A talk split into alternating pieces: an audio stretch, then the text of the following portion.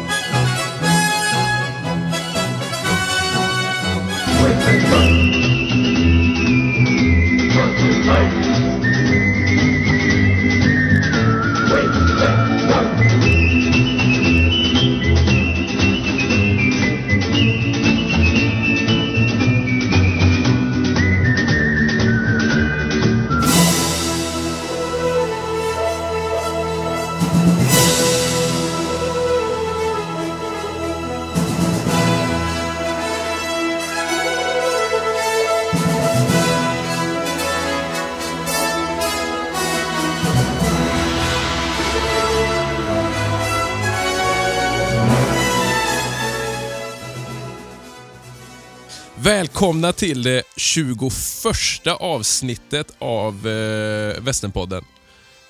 Otroligt egentligen eh, att vi har kommit så långt. Ja. Eh, och idag som ni hörde i inledningen så har ju den äldste av Carsonbröderna fullt upp med eh, sin flytt faktiskt. Man kan säga att han har flytt fältet. Eh, och då har vi ju celebert besök idag av Ulf Moström. Välkommen till podden. Man tackar, man tackar. Jag känner mig hedrad. Celebert besök. Det, var lite fint. Mm. Ja, visst. Och det här är ju inte första gången du är med. Eh, vad kan det här vara? Är det fjärde? Ja, Tredje? Oj, det börjar bli så många gånger att jag har glömt bort det själv. Men det kan vara tredje tror jag. Ja, Red Dead, Halloween-avsnittet. Ja. Det. Ja, men det var så- ehm, Jo, när vi var fjärde på- faktiskt. Du har rätt. Vi var på High Chaparral också. Ja, Ja, just det. Mm. Precis.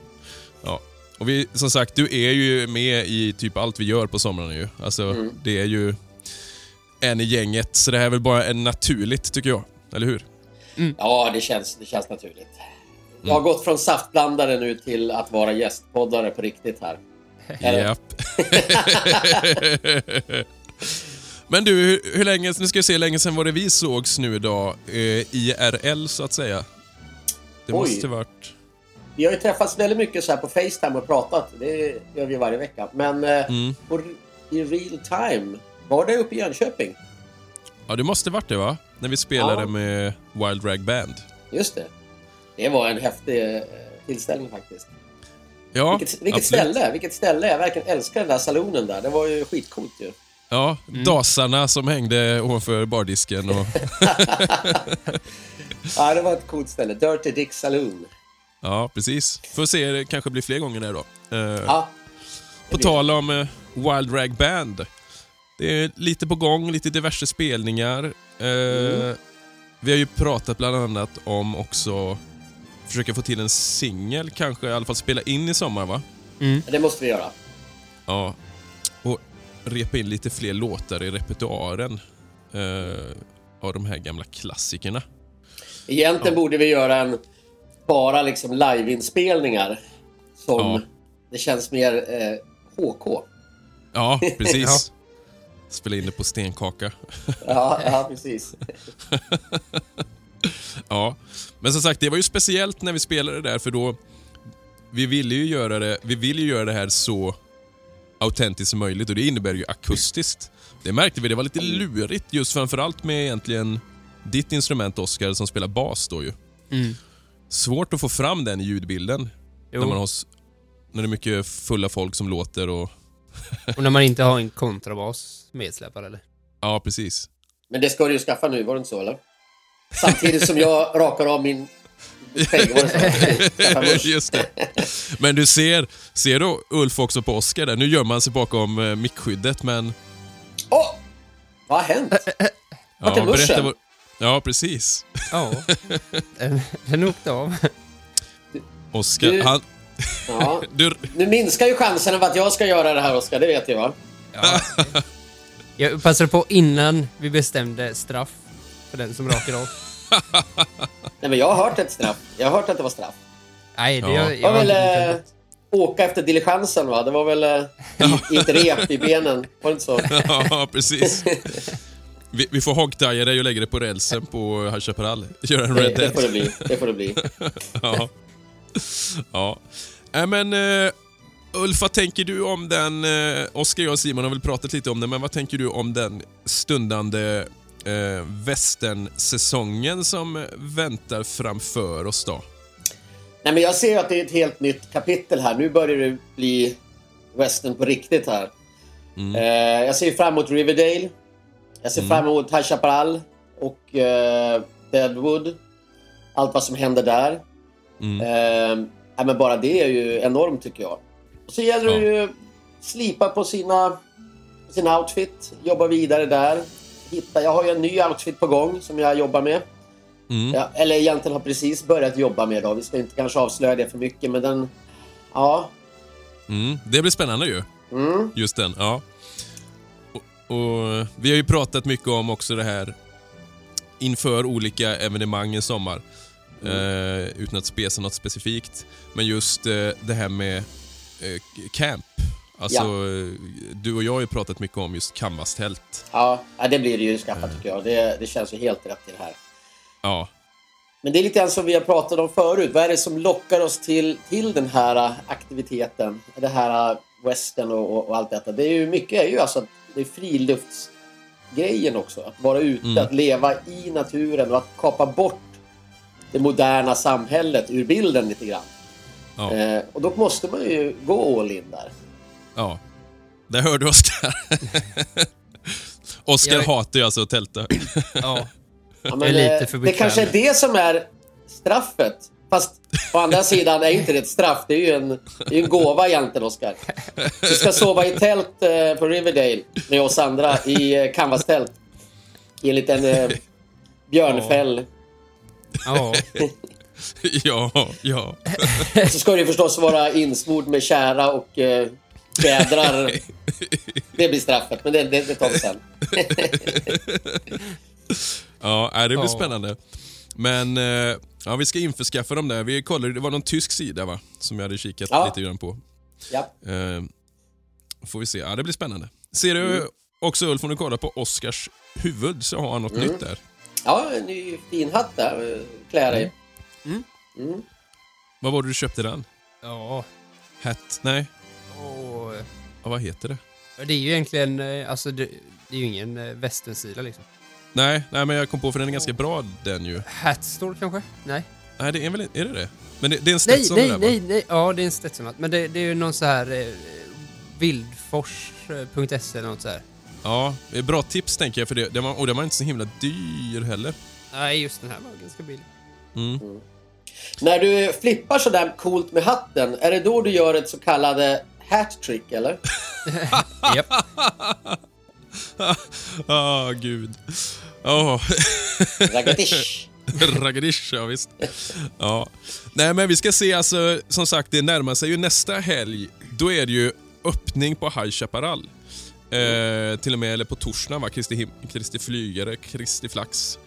Ehm, och då är det väl bara min familj som kommer åka, va? För ni är väl, jag tror ni alla ni är på annat. Eh, Just det. men däremot helgen efter, Mm. då blir det ju... Alla vi åker ju då och kommer sova över där lördag till söndag har vi sagt va? Jajamän. Ja. Ja, så första helgen i juni. Så då kommer vi besöka Deadwood och försöka eh, hälsa på så många som möjligt. Det är bara så himla kul att träffa alla. Mm. Simon är med också med familj, ja. Jag hoppas det. Mm. Det hoppas jag. Som sagt, han har ju väldigt fullt upp med, med sin flytt. Ja. Eh, Mm. det, det har tagit mycket tid i anspråk, stackarn. Sen Annars var det någonting ju- med magen va? Ja, just det. Han var ju dålig i magen också. Annars får ju någon annan utav oss göra hemmagjorda beef jerkys då.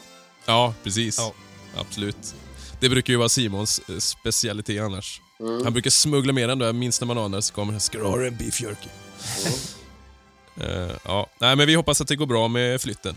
Ja, det är också så, vi har ju haft väldigt mycket, både Erika och jag, det är många grejer, vi sa det, flera helger i rad som vi har tänkt att göra olika västernrelaterade grejer som det har blivit inställt av olika anledningar. Bönor som man har blivit sinnesförvirrad och magsjuk av. Ehm, och Erika, alltså min fru, eh, bestämde sig för att kopiera stuntshowen från High Chaparral. Och eh, stackaren eh, råkade alltså halka ner från vår balkong fem meter upp. Eh, ja, hon hade ju otrolig tur som klarade sig. Men eh, vi får se. Det, det är inte så HK med gipset. så vi får lösa det på något sätt. Men... Eh, mm, ja, men Det mycket sånt. Ha, of, eller vad heter det? Det får nog ha Man får ha eh, överseende med. överseende med, tack. Ja. Nej, jag tror, vet du vad? Jag tror hon får ta bort gipset förresten på måndag. Det kan till och med vara så. Mhm. Eh, ja. Nej, men så vi, vi hoppas nu. nu. Från och med nästa vecka vänder det. Då blir det High Chaparral två veckor i rad och sen blir det diverse andra äventyr framöver genom hela sommaren. Eh, jag har en fundering. Ja. Eh, vi, vi, vi snackade om det här med beef jerky och det. Mm. Mm. Andra sådana här typ, tidstypiska snacks, alltså... ehm, eh, inte... Sånt man inte behöver tillaga. Nej, och inte full mat liksom, utan mer eh, tilltugg liksom. Ja, just det. Kan man, eh, om någon, någon som lyssnar som har några tips på det kan ju jättegärna skriva in det. För det har varit kul Ja. att, att testa. Nej men, och, ja, men testa och se om man kan ha med sig liksom. Ja. Alltså, jag tänker på direkt som är eh, väldigt amerikanskt. Det borde väl ha varit det på den tiden också. Det är ju alltså majs. De har ju majs. Gör ju allt av majs. Typ. Mm. Eh, det borde ha funnits med sån här torkad majs, eller vad heter det?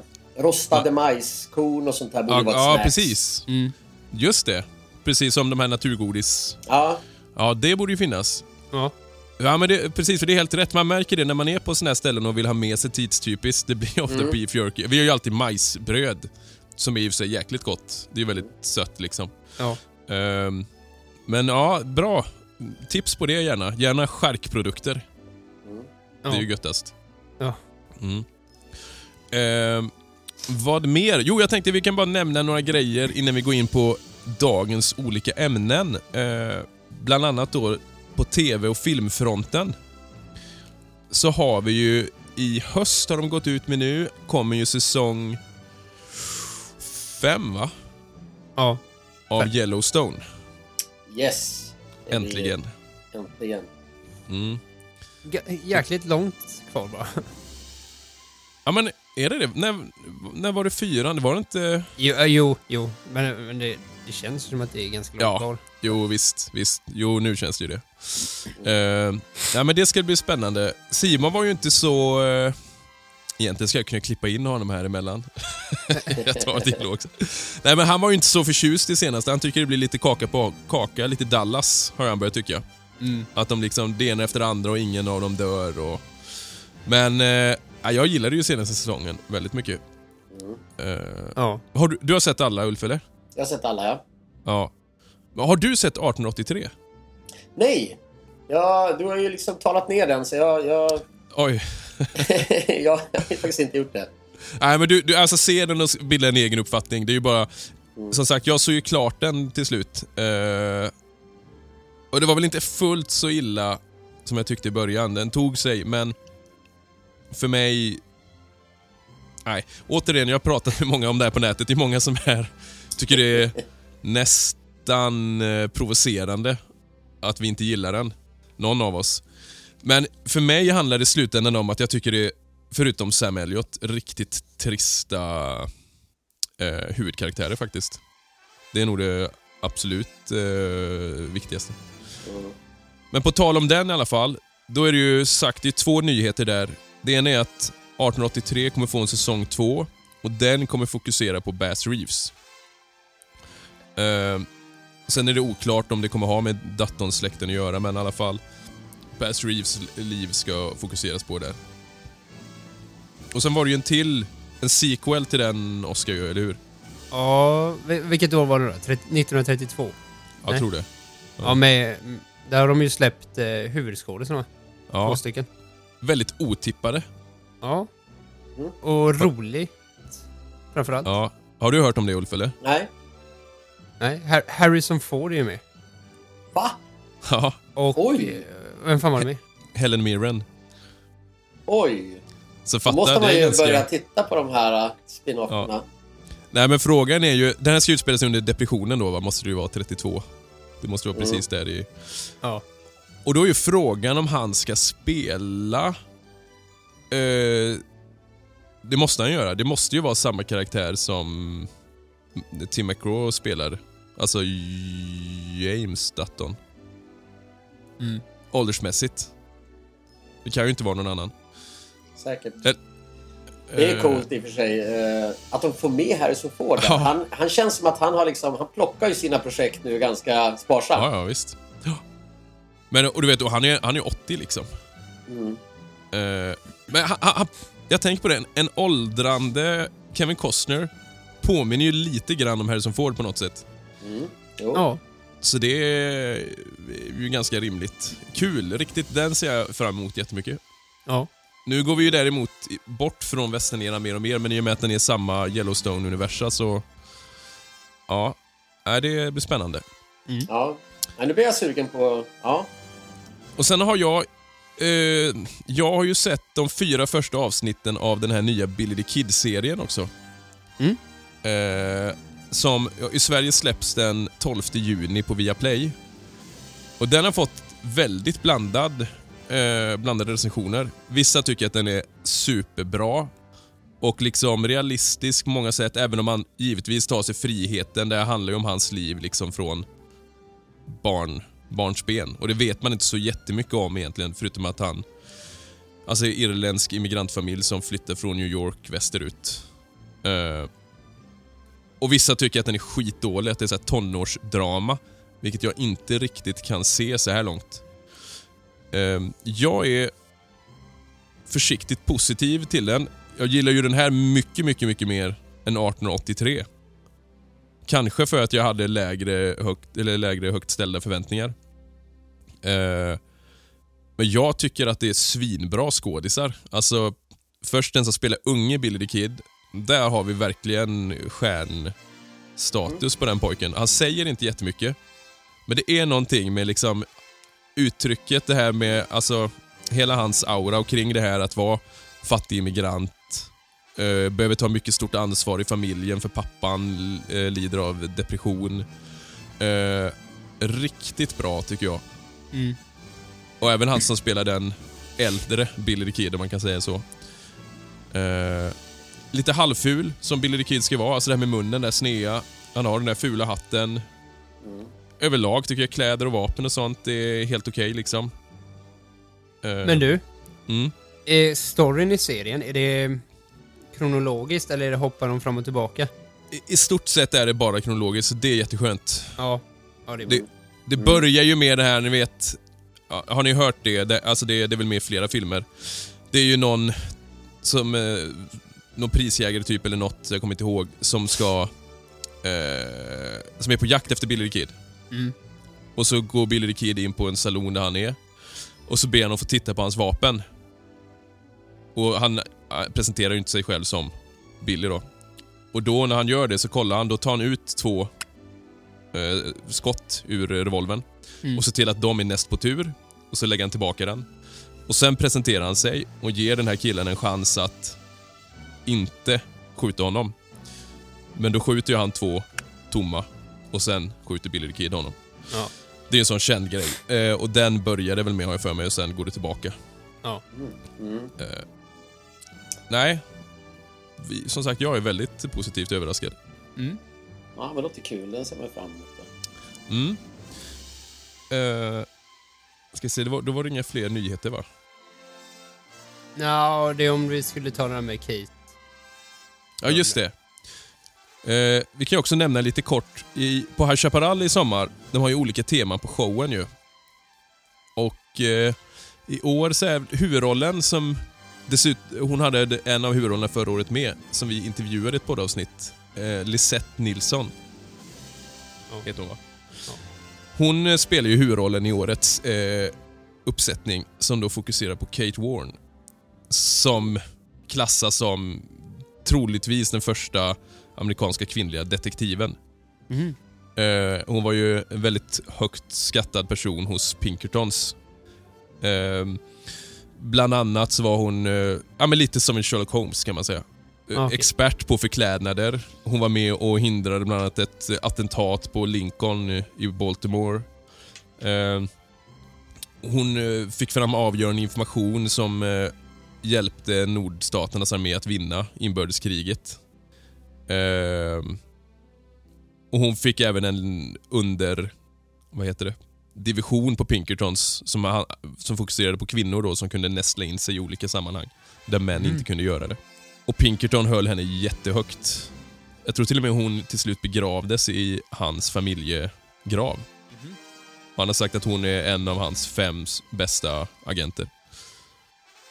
Ehm, så väldigt intressant eh, karaktär. Får vi se vad de gör med henne i showen. Mm. Hon blev inte så gammal. Hon, hon dog 68 i lunginflammation, 35 år gammal. Eh, det som är lite kul, jag kollade lite på olika sidor och sen bland annat chanser gick in lite på Wikipedia-sidan och hittade lite info. Där står det alltså så här. Eh, det här är den engelska Wikipedia-sidan, så det är lite kul. She was also put, uh, portrayed in the 2020 Wild West stunt show at High Chaparral Theme Park in Sweden. She was portrayed by uh, Ronja Krus, a Swedish painter and actress. Så det står med på Wikipedia-sidan. Ja. Och sen finns det också, såg jag, en nyskriven svensk musikal som heter Dead or Alive, balladen om Kate Warren. Okej. Som uruppsattes på Malmö Opera i år, tror jag. Det var spännande. Ja, det var också lite otippat, men kul. Ja. What's wrong, Ramon? You losing your touch? You afraid, Ramon? Shoot to kill, you better hit the heart. Your own words, Ramon. Ehm, ja, men vi snackade ju... Var, var det förra avsnittet vi snackade med en Playpilot och allt det här va? Ja, jag tror det. Och, och filmer överlag och listor och sånt. Ehm, Mm. Jag tror vi nämnde det då också i förra avsnittet. Att vi tänkte göra en, eh, en lista där vi rekommenderar fem filmer och fem filmer vi inte rekommenderar. Precis. Det är jag och Emil som har tagit fram en lista så... Ja, Simon sparar sina till nästa, sa. Ja. Eh, Och vi kan väl säga att vi har tagit lite filmer, kanske inte nödvändigtvis de bästa filmerna eller de sämsta, utan kanske också filmer som inte alla har stött på. Eh, en del av dem. Mm. Ska vi börja med... Oskar, ska du börja med de fem som du rekommenderar då? Ja. Ehm, och utan inbördes ordning. Uh, Ja. Masterson of Kansas. Mm. Den är ju trevlig. Ja, och kanske framförallt att den... Jag, jag, jag vet inte, jag gillar Bat Masterson som karaktär. Mm. Han är, verkar spännande.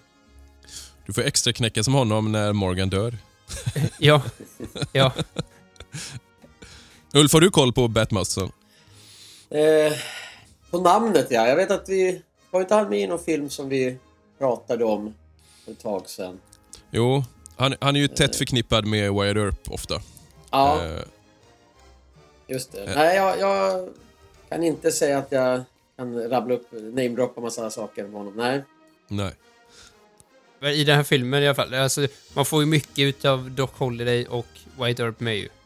Mm, precis. Ehm, och det är ju alltid kul. Det ska nämnas att den här är ju... Nu ska jag se, är det 40-tal va, eller? Nej, den är... Är inte den från 50? Fem, 1954. 54? Okej. Dödsfiender heter den på svenska. Ja, alltså den... Den, den är ju inte så HK. Det, det kan man ju Nej. gå in... Om man går in med den inställningen så... Men man kan säga att Doc har ju också ganska stor roll i den. Både Ja. Doc och Bat. Det är väl de som är i huvudrollen egentligen. Ja. Mm. Och där ja. är ju den, den relationen där de är... Där de inte är vänner liksom. Ja, att det har skurit sig. Ja.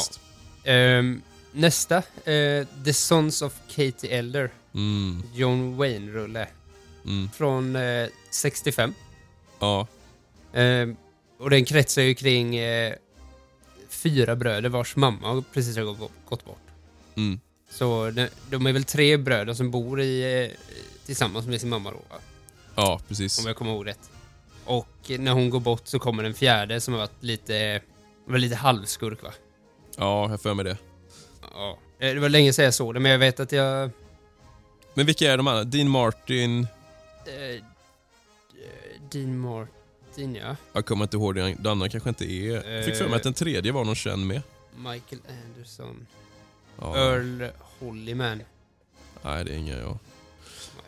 Ja, den, är ju, den är riktigt bra. Ja. Också en sån här riktigt bra klassiker faktiskt. Mm. Eh, bra musik också. Jättebra tema i den ju. Ja, det kommer jag inte ihåg riktigt. Eh, ett av de, jag tycker det är ett av de bästa musikaliska teman faktiskt. Ja. Den är, ligger ofta här i bakgrunden eh, under i, i Västernpodden-avsnitten. Mhm. Faktiskt. Men det är en sak jag kan säga om eh, när man pratar om lite äldre westernfilmer. Eh, så just musiken. Det är Mm. nästan alltid bra kvalitet på Ja. musiken. Det är liksom bra scores, så att säga. Ja. Eh, och det kan jag tycka ibland med, med nyare filmer, om man pratar där, att, att eh, man hör direkt om det är kvalitet i produktionen på musiken eller inte. Ja. Ja. Eller om det bara är så att säga mer eller mindre kopi kopierat från all, andra filmer. Då. Mycket har man ju tagit från de här gamla eh, och liksom Ja. mo- moderniserat upp. Det är så skönt att få höra de riktiga, liksom, ja. genuina scores. Och 50 och 60-talet har ju nästan de bästa scoresen. Mm. Faktiskt, tycker jag. Ja. Mm, Eh, det håller jag med Ja. Mm. Eh, och nästa på listan. The Professionals. Och det är ju en sån jag har... Eh, det är ju typ en utav dem... Bland de första jag såg, tror jag. Ja, jag tänkte säga det måste varit ganska tidigt. Såg du på Netflix eller nej? Ja, jo. Mm. Och utöver de här liksom... Eh, Dollar-trilogin och de här liksom. Mm. Eh, 66 är den från och det är Burt Lancaster som har eh, huvudrollen och Lee Marvin. Mm. Det är väl de två det kretsar om. Eh, också så här, en äventyrsfilm liksom. Är, man behöver inte tänka så mycket utan det är mer bara nöje liksom. Är inte den lite... Jo men du, det är han den mörkhyade killen också. Vad heter han? Som är med i många John Ford-filmer. Med stora Eh. ögon. Woody Strode. Ja, heter han det? Det heter han nog ja. Det är också, ja men precis, en riktig klassiker. Eh, Jag, faktiskt, jag har aldrig sett klart den. Nej. Jag gillar ju inte den så mycket, men är inte den lite wild bunchig? Att det är åldrad gäng som Jo, som de, de ska ta tillbaka någons... dotter till någon va? Nej, ja, någon, Eller nej fru. någons fru. Ja, just det. Någon höjdares fru. Och, men det, hon vill ju inte därifrån. Nej. Lite Stockholmssyndrom typ. Mm. Ehm, så ja, men det jag kommer inte ihåg. Spoilar vi hela filmen. Ja, jo. Nej, man kanske inte ska prata jättemycket om storyn. Men det är det som är kul med de här, med de här riktigt klassiska skådespelarna, med Burt Lancaster och Lee Marvin, när de är tillsammans till exempel, eller de här riktigt Mm. stora. Mm. När man ser att de jobbar med det här lite psykologiska perspektivet. Mm. Och det inte Ja. bara är liksom pang, pang, pang vidare i storyn, utan man stannar upp i ett, till exempel det här Stockholmssyndromet och så får de liksom jobba med det och Ja. det blir så kvalitet på något sätt. Ja. Den här har inte jag Det- sett, den måste jag se. Ja, den finns på. Netflix fortfarande tror jag. Ja, okej. ja Eller jag kanske, ja, jag vet inte. Ja, jag, jag sätter på någon streamingtjänst, men jag kommer inte ihåg vilken. Mm. Yes. Ehm, jag märker nu att det är typ bara 60-talsrullar jag har. En 50-tal. Japp, Ehm, det tänker men jag eh, nästa är The War Wagon från 67 med John Mm. Wayne och Kirk Douglas. Det här var en sån film jag köpte. De hade någon sån här stor rea på Ginza så jag tryckte in massa westernfilmer i, på Blu-ray i min kassa. på. Mm. Och sen låg den i, i hyllan ett tag och sen när jag väl kollade på den, det är så här. Samma sak här. Jag, jag tycker om såna här filmer där man... Det behöver liksom inte vara så komplicerad story och så här, utan det är enkel Mm. story. Mm. Och... ehm, Ja. Nej, men det är en bra äventyrsfilm det med. Kul också kvalitetsmärke med både Kirk Douglas och John Wayne tänker jag. Verkligen. Mm. Yes. Spännande. Ja. Och sista. Hang em high. Oh, Mm. Clintan. Också Mm. från 60... 1968. Den är ju fantastisk. Ja. Mm. Ehm, och det var också en av de första jag såg efter Dollar-trilogin. När jag ville ha mer utav Clint Eastwood liksom. Där har ju han ändå lite annorlunda roll. Ja. Eller hur? Han är Ja. lite mer sårbar på något sätt i den, eh, Ja, upplever jag. jo. Men samtidigt får han ju in det här badass. Mm. Ja. uttrycket igen. Mm. Den är bra, absolut. Ja. Mm. Nej, men det är de fem jag hade. Ja. Då kan jag ta mina fem då. Eh, jag, har ju, jag har försökt att tänka... Jag kommer inte ihåg. Jag kollade igenom listan. Nu, jag tror Simon och jag har sett runt 170 filmer var nu.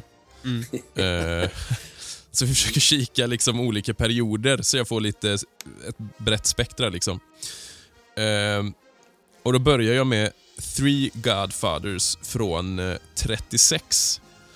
Och Det här är ju alltså, vi har ju varit inne, vi har ju recenserat en av de här förut. För den här filmen har ju, eller det är en novell från början och den har filmatiserats fem gånger.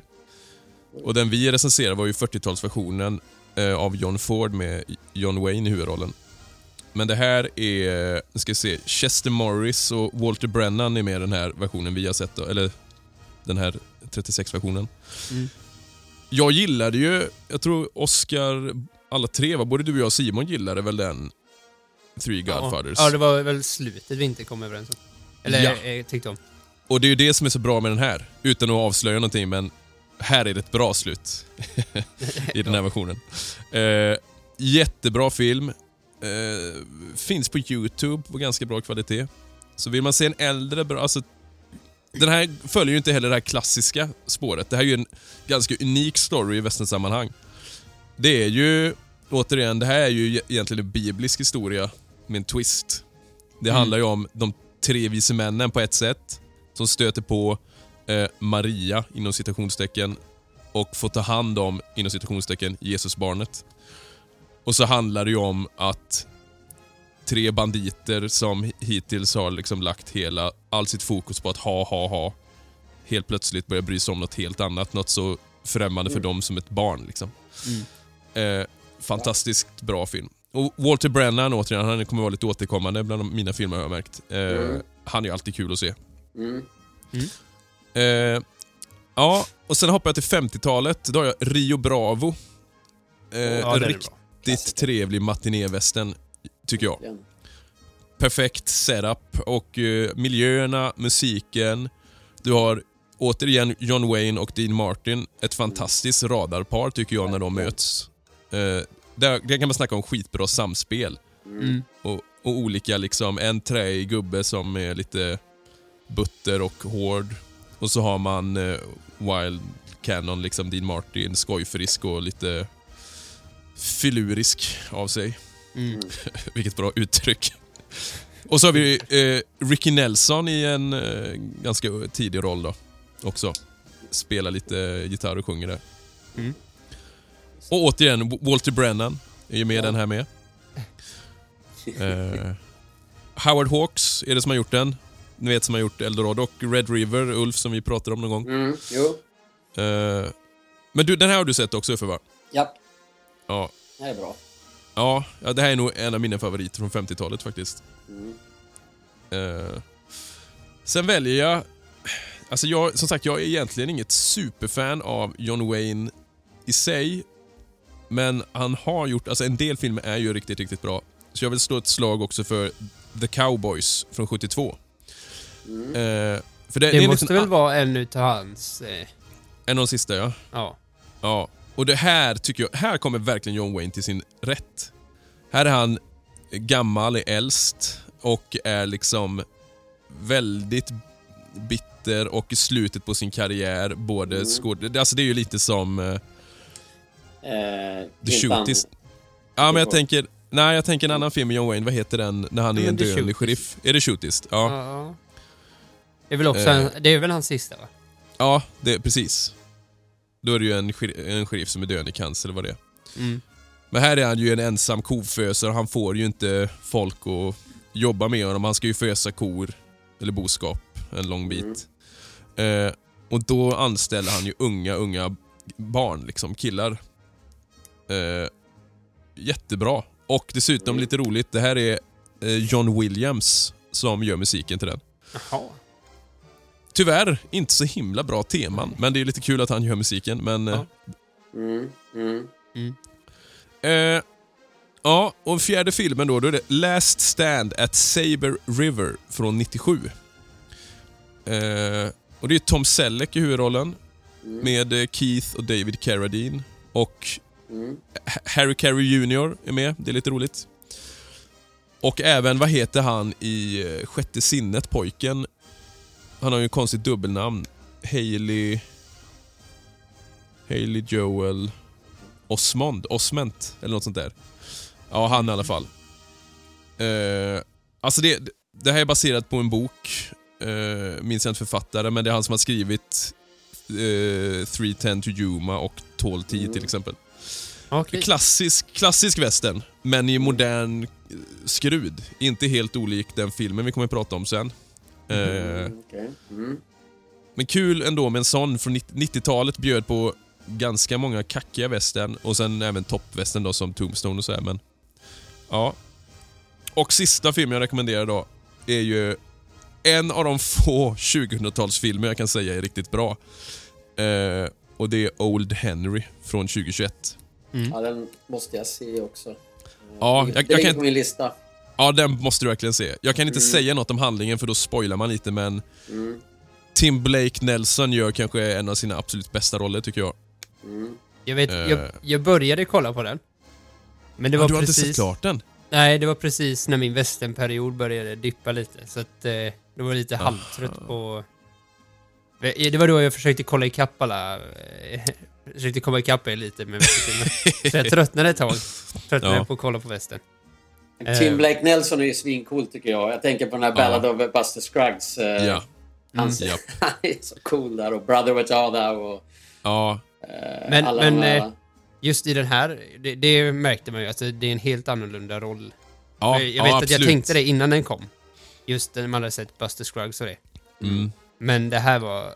Mm, det håller jag med om. Det jag har Mm. sett i alla fall, det var jäkligt bra. Mörk, nedtonad. Ja, alltså den här kanske vi ska ta ett annat avsnitt där du är med också Ulf. Det är kanske inte så dumt att ta och recensera den då. Mm, det vore kul. Ja, det kan vi göra. Det kan vi absolut göra. Ja, ja men det var de att rekommendera. Mm. Om vi ska ta det här nu då, fem filmer att inte se. Eh, Ja. ska, ska du börja där med då, Oskar? Ja, du pratade om 90-talet, att det bjöd på många kackiga. Ja. Ja, Blind Justice är en utav mina där. Eh, jag kommer inte ihåg när den är ifrån. Är den från 90... Fyra va? Nej. Ja... Ja, 94 ja. Finns på Det- HBO tror jag. Ja, Den, den legat där. fall. ja, ja, det ja, det är det. Det är det nog. Eh, det handlar om en eh, blind... Eh, gunslinger. Som... Ja. Eh, ja, nej, men det är för mycket så här... Om jag säger övernaturligt, alltså... Inte övernaturligt så, men heter det? Att han ska kunna liksom känna av och... bla, bla. Höra och ja, lite Daredevil nästan. Ja.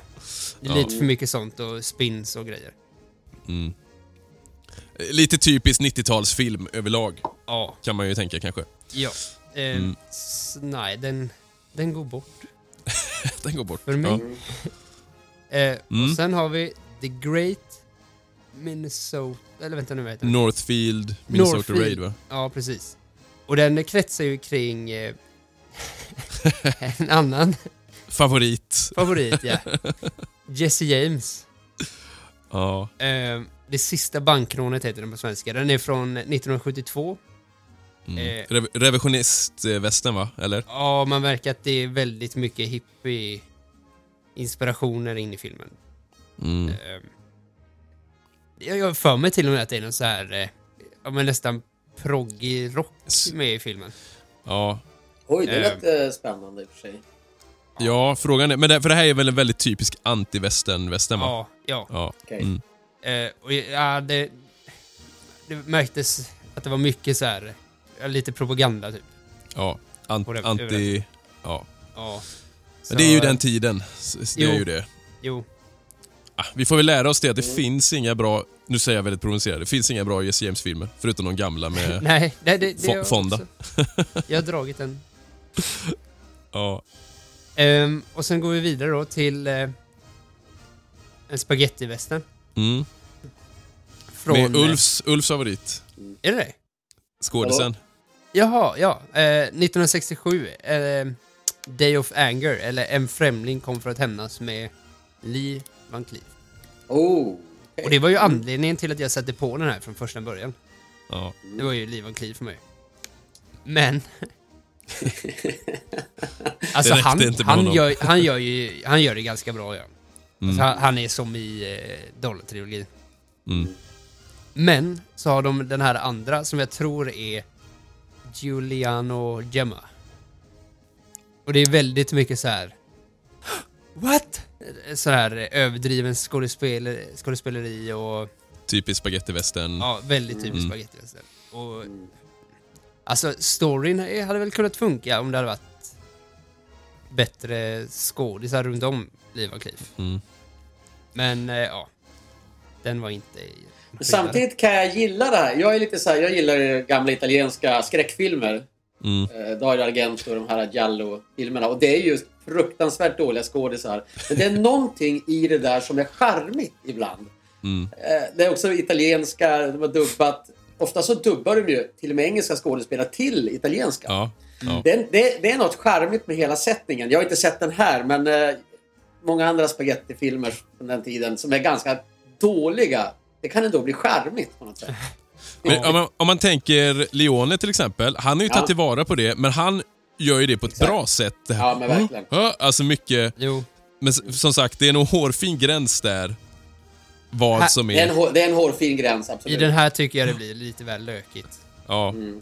ja, det är synd för Livan Cleef är ju ball alltså. Jo, Ja, han är ball. Det måste man väl säga. Ja. Eh. Sen har du nästa film är ju... ja men du, jag sparar den till sist tänkte jag. ah, Okej, okej. Ja. Eh, ja, för det här är en helt annan förklaring sen. Ja. Eh, men sen har jag en John Wayne-rulle från 35. Mm. Också under den här perioden jag försökte kolla igenom, komma, eller komma ikapp er. Eh, Paradise Canyon. ja. Vad heter den på sven- Farfylld? Nej, Farofyllda spåret. just det. Ehm, eh, jag tänkte jag tar den här, för den var bara 53 minuter lång. Ja, är- det en av dem på SVT Play? Nej? Nej, nej, det här var på YouTube. Okej. Eh, men det tog fem gånger för mig. alltså paus och stopp innan jag kunde kolla klart på den. Ja, tio minuter i taget. Ja. Ja, det var... åh. Det, det var så... Det var så här... Riktig B-film var det. Mm. Det, det, det. Jag tror det handlar om någon så här cirkus... Eh, grej. Ah, usch. Nej, det var, det var inte bra var det inte. Nej. Och sen sista filmen då. Ja, här lär ju Simon vara superprovocerad. Va, vad Ja, roligt det ska vara. Men, men det här eh, har jag också en förklaring. Ja. Ehm, den är från 1939 Mm. och John Wayne är med i den. Mm. Jag tror det är ganska många som kan eh, ta illa vid sig. Eh, John Fords eh, kändaste inte- nästan. nej! En av de kändaste. Va? Diligensen. Skojar du? Nej. Det är Men- en av men- de mest klassiska hyllade westerna. Den har väl eh, vunnit Oscars och allting. ja, exakt. Oscar. Inte, Eh. fast den vann inte Oscar. Nej, den var inte med. Nej, nej men alltså, Ja. den är inte överdrivet dålig egentligen. Utan det är mer att den är så hypad. Ja. Eh, och jag tycker inte den lever upp till de förväntningar man får när man lyssnar på alla. Det är den bästa västen som har gjorts och bla bla. Mm. Och då tycker inte jag att den är så bra som alla säger att den är. Nej. Inte, inte för att den är en superdålig film. Jag, jag, jag kan ju se den så. Mm. Men, Men, du skulle eh, inte rekommendera någon att se den? Nej, inte, inte till någon, inte om man har hört alla förväntningar Nej. runt om den att det är den bästa västernfilmen någonsin och så här. Mm. För det tycker jag verkligen inte. Ja. Den har jag sett länge sedan. Jag, jag, jag kan inte liksom riktigt nu komma ihåg, men... Man tänker nu att den här filmen var, den är väldigt gammal så att säga. Och den, har, den, var, lite, den var ju banbrytande på hur man berättar en story. Att du gör det i ganska trånga utrymmen, small sets, eh, mycket, mycket dialog, skådespeleri. Jag menar på den här tiden och John Ford med sina liksom kamera... Den var nog väldigt banbrytande. Den vann ju Oscars och sådär för, Ja, för många mm. saker då. Men det är klart att den ska hålla upp idag. Vi är vana med en annan typ av Hollywoodifierat eh, berättande och... Eh, nej, men den här, den här ska jag se om faktiskt. För den här, Ja. jag kommer ihåg att jag tyckte var väldigt bra när jag såg den. Och den är väldigt före sin tid också i det här hur... Alltså samhällskritiken i den också. I hur de, vilka karaktärer det faktiskt är som är i eh, själva diligensen och hur deras liv har påverkats av diverse. Eh, Ja, ja, men det ska bli intressant. Jag gissar ju att den här kommer... det här kommer återkopplas i nästa avsnitt. När Simon tar sina. Så det blir väldigt... Ja, ja, ja, kul ändå. Mm. Eh, då tar jag mina fem då. Då tar jag dem kronologiskt igen. Eh, och först och främst vill jag börja med en, en gammal kalkon från 40-talet som heter The Outlaw, The Story of Billy the Kid. Eh, eller Den laglöse heter den på svenska. Alltså det här är en... Eh, eh, det likadant om man läser, om man läser kommentarer och recensioner på IMDB. Man fattar inte vad det är man ser riktigt. För storyn handlar ju liksom om, ja men det är Billy the Kid, Doc Holiday och Bat Masterson. Eh, och det är nästan så att det är liksom eh, eh, vaga homovibbar över den. att, att det ska vara liksom som att Doc och Bat slåss om Billy the Kid. Det är lite sådär, eh, lite bisarrt. Eh, och sen är det jäkligt mycket fokus på huvudroll eh, kvinnans eh, bröst. Jag har nog aldrig sett så mycket utring, eller urringningar i en sån tidig film. Och inzoomningar bara på hennes bröst hela tiden. Omslaget tror jag är att hon ligger... eh, Ja men här, är- här är ju en bild. Eh, Ja. Mm. Eh, Howard Hughes är det som har gjort den. Riktigt pissig film alltså. Det här var en sån... När jag börjar se en film så ger jag... Mm. Ja, men alltså, man bör se den bara för det historiska värdet av den, men, men eh, riktigt Bara pissig. omslaget. Ja, bara för omslaget ja. Mm. Eh, och om jag fortsätter på spåret där med Billy the Kid. Eh, från 50-talet. En, tycker jag är den särklass sämsta enskilda liksom försöket till att vara en bra Billy the Kid-porträttering med Paul Newman i huvudrollen. Left-handed Gun. Eller Billy the Kid heter det nog kort och gott på svenska. Överspel som fan ja. Alltså Paul Newman han gör sig extremt överdrivet 50-tals överspel. Riktigt tråkig film. Eh, ja, den är riktigt pissig. Det roliga är att jag läste igår så här, att någon klagade på eh, den nya Billy the Kid-serien. Som för övrigt är väldigt långsam. Det är ett drama. Det ska man vara medveten om. Det är inte action, utan det är ett drama. Och de bara ja det här är den sämsta porträtteringen av Billy the Kid. Tacka vet jag Paul Newman i Left-Handed Gun. Så det är lite kul. Annars var ju Paul Newman, det var en av mina favoritskådespelare när jag var ung. Ja, Eh, ja men det, det var det. Ja. Han lockade ju mig till filmen liksom. Mm. Eh, så jag, jag, jag tycker att den är riktigt pissig. Eh, sen kommer ju min... Eller i och för sig... Om man ska ta den kronologiskt. Just det, Wyatt Earps. Får jag bara fråga Ja, en sak där? Du sa att den var ifrån... Vad sa du? 50, 58. 58 ja, okej. Mm. Ja. Eh, ja, men sen hoppar jag till eh, den eran som... Alltså jag har ju sett flest filmer från 2010 och 2020-talet av oss. Mm. Eh, jag tror jag har sett typ 40 filmer någonting. Och överlag ska man säga det att det är så otroligt jäkla mycket skräp alltså. Det, förmodligen delvis för att det är lättare att göra film idag. Eh, det är lättare, alltså vem, independentbolag och sådär. Eh, men sen är också det här att det ska vara så jäkla dystert och grått och gritty hela tiden. Man ska bara påtala det här som Simon är allergisk mot, att, att allt var jävelskap konstant. Och sen är det ju mycket politisk woke agenda i många av de här filmerna. Det ska man inte förringa. Det är mycket sånt. Eh, men den här filmen i alla fall, från 2012, Wyatt Earps Revenge, eh, där Val Kilmer spelar en åldrande Wyatt Earp. Lite Oj. kul.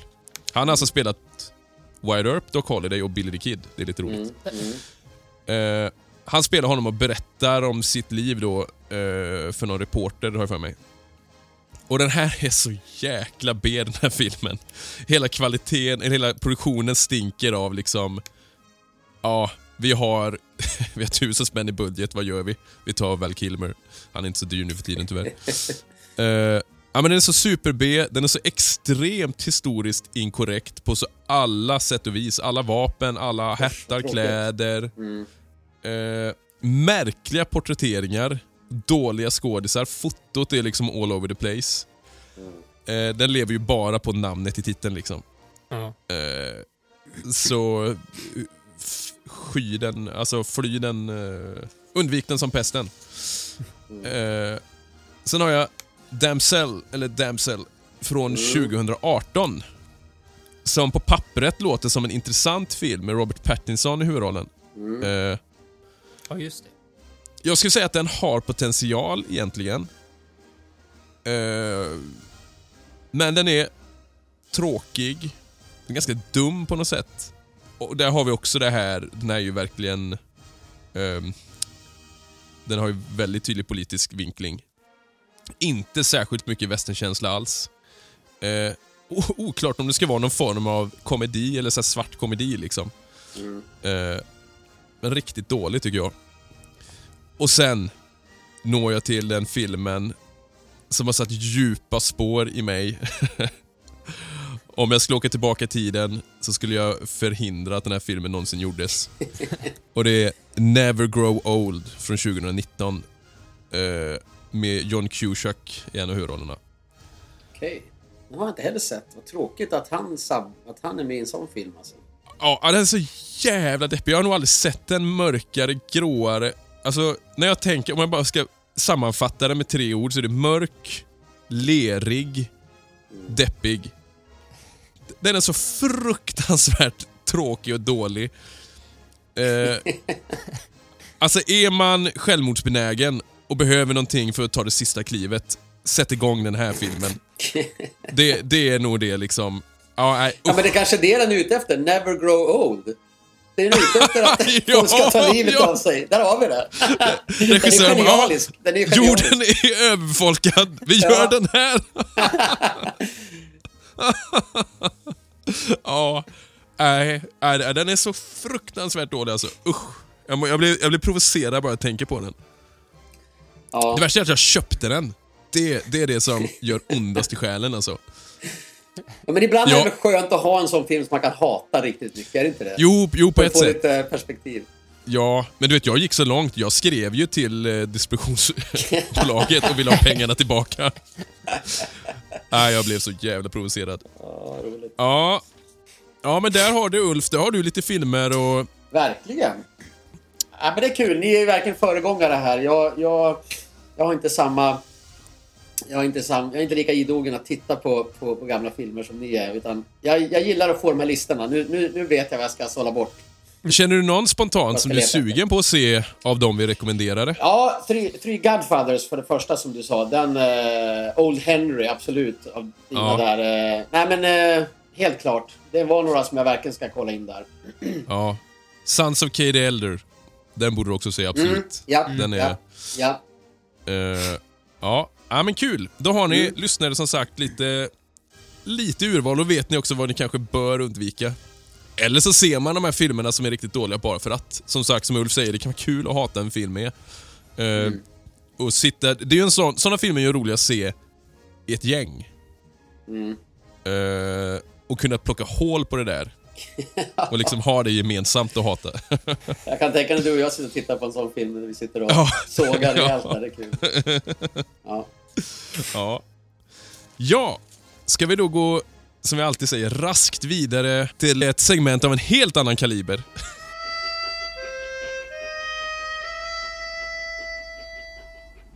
You uh, interested in fashions, harmonica?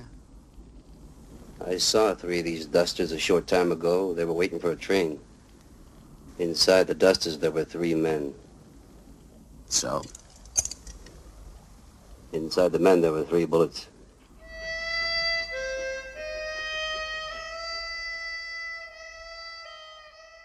Ja, men det här med kaliber är ju ett... Det är ett lite svårt område faktiskt. Vi har pratat mycket, eller ni har pratat mycket i podden om olika handeldvapen från den här tiden och då kommer ju osökt in på kaliber och man namedroppar olika kalibrer. Men vad är det egentligen det betyder? För det är ju... Det är lite svårt. Jag, jag har satt mig in lite grann i det här och eh, jag inser att man ska nästan vara jägare eller sportskytt eller någonting för att ha full koll. Eh, det är inte helt glasklart nämligen.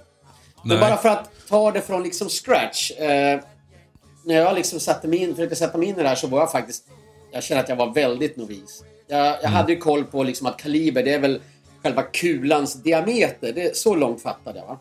Eh, ibland pratar man också om själva pipans lopp.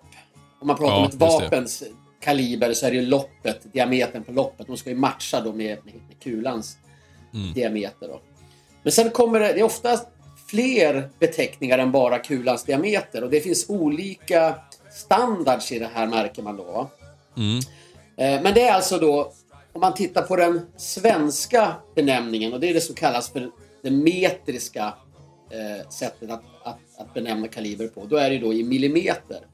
Ja, just det. Eh, och då pratar man om kulans diameter och sen står det oftast gånger ett annat mått. Då är det hylslängden. Jaha. Ja, och hylslängden är viktig för att framförallt när du pratar om jakt, eh, hur du kombinerar diameter med hylslängd. Det är liksom, om du ska skjuta ett djur, vad är det för djur du ska skjuta? Hur långt avstånd brukar du eh, vara här? Hur snabbt ska du behöva röra vapnet? Det kan vara viktigt för hur mycket krut det liksom är i, i hylsan. Hur snabbt den här går. Hur långt kan du skjuta? Hur snabbt skjuter den här så att säga. Va? Eh, och eh, när vi pratar det här metriska måttet då, det kommer ju framförallt från efter andra världskriget då med de tyska vapnen som, som också var i omlopp där.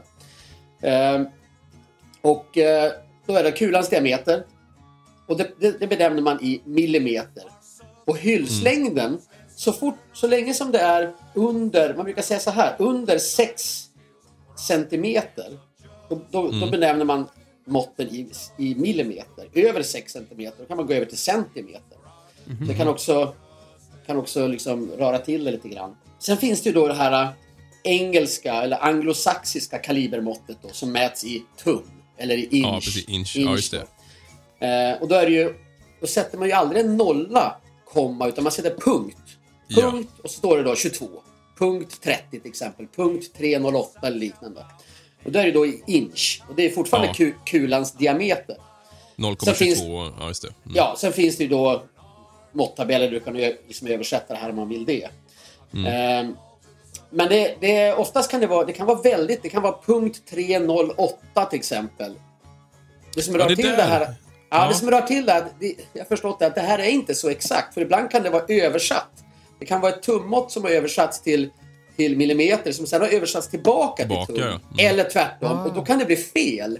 Så man bör vara väldigt noggrann på att kolla upp det här. Hur, vad, har, vad har du för behov? va? Vad har du för, vad har du för lopp i pipan? Vilken, vilken, Ja. eh, vilken kaliber är det? Och hur ska du matcha det här? Så att inte bara liksom gå ut och köper någonting och sen får man riktiga bekymmer när man ska trycka på avtryckaren. där. Jaha. Ehm, men det finns lite intressanta saker i det här då. Det är själva kulorna. Det kan finnas fler beteckningar också än bara eh, så att säga måttet. Eh, Mm. ibland har man med, det kan vara till exempel vikten på, på, Ja, krut, på, krut, på Ja, krutladdningen. a- a- antalet grains, va? Antalet grains ja. För i, i det metriska då har du ju längden på hylsan. Men Ja. i det amerikanska då har du också ibland vikten på, på krutet. Och det är ju egentligen ett annat Ja, sätt att mäta det här. Hylsans längd mäter man ju i, i, i eh, det, Då- ja, det metriska. Och det är för att få med den här krutladdningen, hur stor den är egentligen. Mm. Eh, Men du, ett, ett vanligt exempel är om du säger 30-30 Winchester. Ja, eller 44-40. Ja, precis. Eller 44-40 till exempel. Va? Då står det oftast punkt 30 först. Och det är ju då inchen, Mm. Diameter. kal- Ja. diametern. Så står det streck 30. Och då är det 30 grains. Just det. Eh. Så det. Mm. Ja. Och eh, för en oinvigd så säger ju det här ingenting. Men är, håller man på med det här så är det ju viktigt att veta hur mycket krut finns det bakom kulan egentligen. Ja. Hur stor är hylsan? Hur mycket krut är det? Hur långt kan du skjuta den här? När börjar kulan dala? Eh, är, är du jägare till exempel så är det ju viktigt om du ska skjuta en, en, en snabbt springande vildsvin till exempel eller om du springer en stående älg. Är det på 50 meter eller 150 meter eller på 20 meter du skjuter? Ja. Eh, och här är det ju som jag har förstått då, bland, bland jägare en stor diskussion om det här med kaliber. Man brukar prata om att grövre kaliber då ger det kortare flyktsträckor för djuret. När du, du vill inte egentligen, om du skjuter en, ett högvilt då, till exempel älg eller hjort, så vill du inte att, vilt, att, att viltet ska springa för långt när du har skjutit det. Nej. Dels så kan det skapa massa komplikationer, va? det kan springa iväg och åsamka problem. Eh, men eh, en annan grej är då att, att eh, det blir massa stresshormoner och köttet blir sämre brukar man säga. Jaha. Men det är inte så enkelt som att bara grövre kaliber ger kortare flyktsträckor heller. För att eh, själva krutladdningen spelar roll. Tittar du på till exempel älgstudsare så ser man att de kan vara från 6,5 till 9,3 millimeter i diameter med kulorna. Det är en ganska stor skillnad för att Ja. 6,5 millimeterna de jagar normalt sett vildsvin med. Och mindre, mindre högvilt så att säga. Medan 9,3 är en väldigt grov, grovkalibrigt vapen. Men det är inte säkert att 9,3 så att säga dödar djuret snabbare än 6,5. Det finns ju olika längd på hylsorna här och Ja, vissa som 9,3 påverkar. har ganska kort hylsa. Eh, så att det där att para ihop liksom hylslängden, mängd krut om man säger så, med kalibern. Ja. Det är ganska komplicerat. Det, det, jag förstår att du behöver vara ganska insatt och veta så att säga, jaktens innersta Ja. hemligheter för att kunna para ihop det här. Ja, det låter ju väldigt invecklat. I alla fall framförallt känns det som när det gäller gevär, eller hur? Ja, men precis. Oftast är det för gevär då när, när du Mm. jagar. När du jagar. Men tittar man på... eh, Sen finns det liksom klassiska... Man behöver känna till vissa grejer. Salongsgeväret till exempel är en klassisk. Vad är det för, för, för någonting? Det- Mm. Det, det är ju ett, eh, punkt 22 då. Inch, 5,6 millimeters. Salongsgeväret är ju någonting man förr i tiden... Det var licensfritt faktiskt förr i tiden. Man fick jaga... Eh, alltså, trädgårdsarbetare och de som håller på med skadedjursbekämpning eh, hade sådana vapen ofta för att skjuta råttor Ja, och fåglar och kaniner och sådär. man fick jaga trädgårdsarbetare. det var tillräckligt lite kaliber för att de inte skulle dö, utan man, de, man fick dem på flykten. Nej, men man sköt, man sköt alltså små, små djur. Ohyra, ja, mm. ja. Och det är det klassiska salongsgeväret används till då. Men eh, det får man inte göra längre, utan nu, nu är det bara sportskytte och, och sådär som, som använder salongsgeväret då. Men det är en punkt 22 då. Det är en, ja, den nästan minsta kalibern som finns. Ehm, och sen har du ju liksom kaliber ända ja, från, man säger då 22, punkt 22, det är det 5,6 millimeter, upp till en centimeters kulor. När du skjuter älg och högvilt och björn och sådana saker. va. Då kan du liksom komma över en centimeter. Så det, det är en väldigt grov, grov kaliber. Men det här med, man pratar om grovkalibrigt, finkalibrigt, det finns Ja, också precis. mellankalibrigt. Det är en helt annan grej. Den beteckningen används bara inom militären. Ja, det är så ja. Mm. Ja, och det är därför att det är... Eh, där har du en helt annan arsenal på vapen. Men där är Ja. finkalibrigt alla så att säga vanliga handeldvapen egentligen. Från Okej. eh, pistol, kulsprutor, sådana saker då.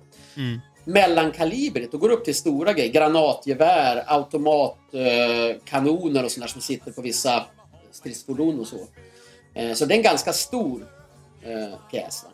Det är inte en pjäs, det är fortfarande en patron. Men kommer upp till pjäser, grovkalibrigt, då pratar de om granatkastare, haubits, alltså riktigt stora. De är över Ja, just 6 det. millim- 60 millimeter, då, 6 centimeter i diameter. Men då är det Eh, diametern som avgör eh, om det... Då har det ingenting med antalet grains att göra, eller? Om det är grovkalibrigt nej. eller sådär. Det är också ja. lite Mm. olika mellan de här i militären. Du har ju, man brukar prata om att du har en... Att den är, om den är raketdriven, då är Ja. den egentligen hyls, en hylsa med krut. Men på de riktigt stora så kan du inte ha det. För då, då, då, då har du andra mekanismer för att skjuta iväg de här. Och, de här stora kan ju innehålla krut i sig. Va? De har en Mm. sprängverkan när de landar. Så att det är lite olika där. Nej, men det var lite intressant att kolla på det här med kaliber. Jag, jag vet inte om Mm. jag, blev, jag blev klokare, men... men eh, Jo, men jag tycker absolut det var väl jättebra. Ja, det var Eh, intressant. Framförallt det man har mest... Jag tänker det här med revolverna. Alltså just det här som du sa, att man har koll på det här. Först och främst att punkt Mm. och sen valör, att det är av en inch, så att säga. Alltså Ja. 0,45 av en inch. Precis, precis. Eller 0,44. Och sen Yes. streck, att det är antalet grains. För det här 44-40, det är ju, det är ju en av de vanligaste. Alltså jag tänker till Ja. eh, Frontier 6 Shooter som du hade i Winchester också. ja. Eh, men det, då undrar man ju... En vanlig Colt 45. Varför det inte spesat hur många grains det är i den? För det lär ju funnits olika varianter. Eller var det standard? Har du stött på det? Att det var en speciell standard på 45orna? Hur många grains det Nej, var? det, det har jag inte, inte stött på faktiskt. Men det är en sak som är intressant när man pratar om just revolver. Du har ju oftast... Där kan du ha... Där står ofta beteckningen. Istället för att ha grain så kan det stå Magnum eller Special eller Nitro eller Express Ja, ACP bakom. och... Ja. och det är beteckningen på, på krutladdningen då va. En Ja, ja. Nitro har, den är väldigt kraftig krutladdning, en Express till exempel. Och Special, Magnum, då är den väldigt... Det är mycket krut i dem va. Så Ja, att, så att eh, du kan ha, det finns väldigt olika beteckningar. Så det här med grains har man ofta för, jag har förstått egentligen, det är inte så mycket på, på revolver utan då har man den här, eh, den andra suffixet då. Mm. Sen har du olika kulor också. Själva kulan kan ju Kulan, vara... ja. Eh, den kan vara helmantlad, det kan vara en spetskula, hålspets, trubbnos. Den kan vara flänsad beroende på vad man vill ha för effekt. Då. Men det är helt klart att, att patroner eller kulor i en revolver är ju mycket större kaliber ofta. Grövre Ja. kaliber än du använder i gevär. Mm. Eh, det är också det att har du en kort pipa så behöver du... Ja, jag, jag, jag, jag kan inte det här exakt men det, man förstår att det blir i alla fall en skillnad. Och du skjuter ju också kortare sträcka med en revolver än vad du Ja. gör ett gevär. Gevär är ju Ja, ett- precis. en lång, lång shot så att säga. Mm. Medan revolver är närstridsvapen. Då. Så sånt spelar också in. Men det är intressant. Jag tänker på Red Dead. Där kan du ju manipulera skotten lite grann. Vad är det, vad är det man har för... Du har split point va? Ja, Vad- High, vad är- high velocity. Ja, Mm. just det. Sen explosive sådär. Undrar om det är liksom en verklighetsbaserad eh, tanke bakom Det tror jag de absolut. olika... Det lär det, finnas är, va? ja, men det är, det är koppling där. Helt klart. Ja, kul ändå. Eh, vi kan väl bara upprepa också det här, och ska vi prata om det för ett tag sedan. Rimfire och Centerfire, har ni koll på vad det är? På eh, skotten? Det hör man ju nästan kanske, Ja. men Precis. Pricka Rim är ju mitt i. bakre och center är mitten. Och, mm. ja, var primen sitter liksom. Mm. Rimfire så slår den ju på kanten, då, är det ju, då, ju, då slås ju krutladdningen eh, laddningen an längs hela botten. Centerfire har du ju en i mitten. Sen finns det någon annan Centerfire tror jag att du har som två eh, kammare där eh, krutet antänds igenom. Ja. Och som jag fattar det, egentligen vet jag inte riktigt eh, hur de används olika, men det brukar väl vara att Rimfire är billigare än Centerfire tror jag. Sen vet jag som sagt inte riktigt funktionen egentligen hur det är, men jag vet inte om det spelar någon roll för vilken kaliber det är och sådär med. Det gör det säkert. Det, gör det, säkert. Det, det, det är så många saker som spelar in här. En annan kul grej vi pratade om just eh, kulan där till exempel. Kul grej. Det är en kul grej. Ja. Ja. Nej, men du har, du har ju till exempel, du har hört begreppen full metal jacket. Mm. Vad, vad betyder det? Är det fullmantlad på eller? Ja, den är helmantlad då. Va? Ja. Sen har du till exempel då hålspets, hollow point. Där Mm. den, fläns, den fläker upp sig så att säga när, när den kommer in då. Va? Men sen finns det en intressant sak. Vissa är ju då spetsiga. Mm. Det finns ju spetskulor och det finns trubbiga. Trubbnos till exempel kan de kallas. Varför tror ni att man har en trubb, trubbig? Kan det ha att göra med utgångshålet? Alltså hur, eller hur den påverkar målet eller? På något sätt? Ja, Jag tänkte också så här, det måste väl ha någon, någon effekt med själva träffbilden att göra. Alltså varför har Ja. man det? va? Men vad jag har kommit fram till så, så är det att det är faktiskt för att Eller, inte riskera. En, har du en, en spetsig kula och du ska trycka in flera stycken kulor i, i, i magasinet så att säga. De, de ligger efter varandra i loppet. Va? Det finns ju sådana. Du har sådana tubmagasin så att säga. Du, du lägger dem efter varandra kulorna. Då är risken att de... eh, Ja, då är ja, risken ja, att ja. spetsen trycker in, Trycker eh, in in primern, liksom. tändhatten på den som är Ah. framför. Ah, just Så Då det. har man en, en trubbig för att den inte ska göra det. Just det. För det är Jag det vet inte om det är någon annan, annan effekt av det. Men Ofta det, är det enmatning då när man kör med spets. Ja. ja. Ja, ja, ja. Du har förstått så är spets då egentligen bättre. Men en spets Ja, det är klart, jag tänker som ett- målet. Ja, och jag tänker också om, om man kastar ett flygplan eller vad som helst. Alltså rent aerodynamiskt så måste det Mm. vara bättre med spets Ja. ju. Huh.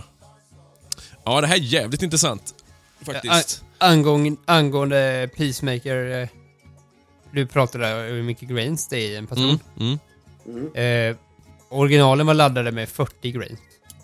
Ja, det är 40 där också. Ja. Så egentligen 44-40 är bara att själva kulan är lite mindre helt enkelt då.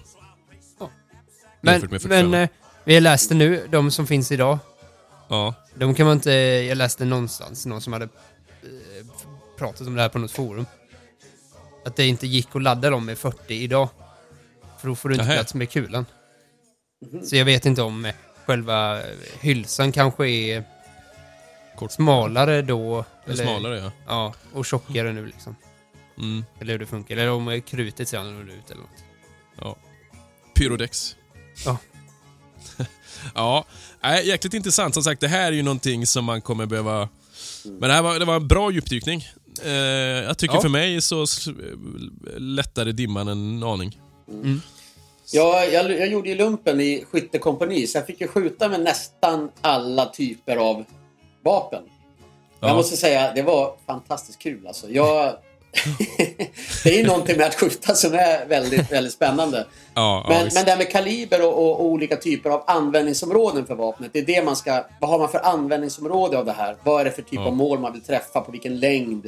I vilken miljö? Eh? Lösdrivare i Västenstad. Ja. Precis.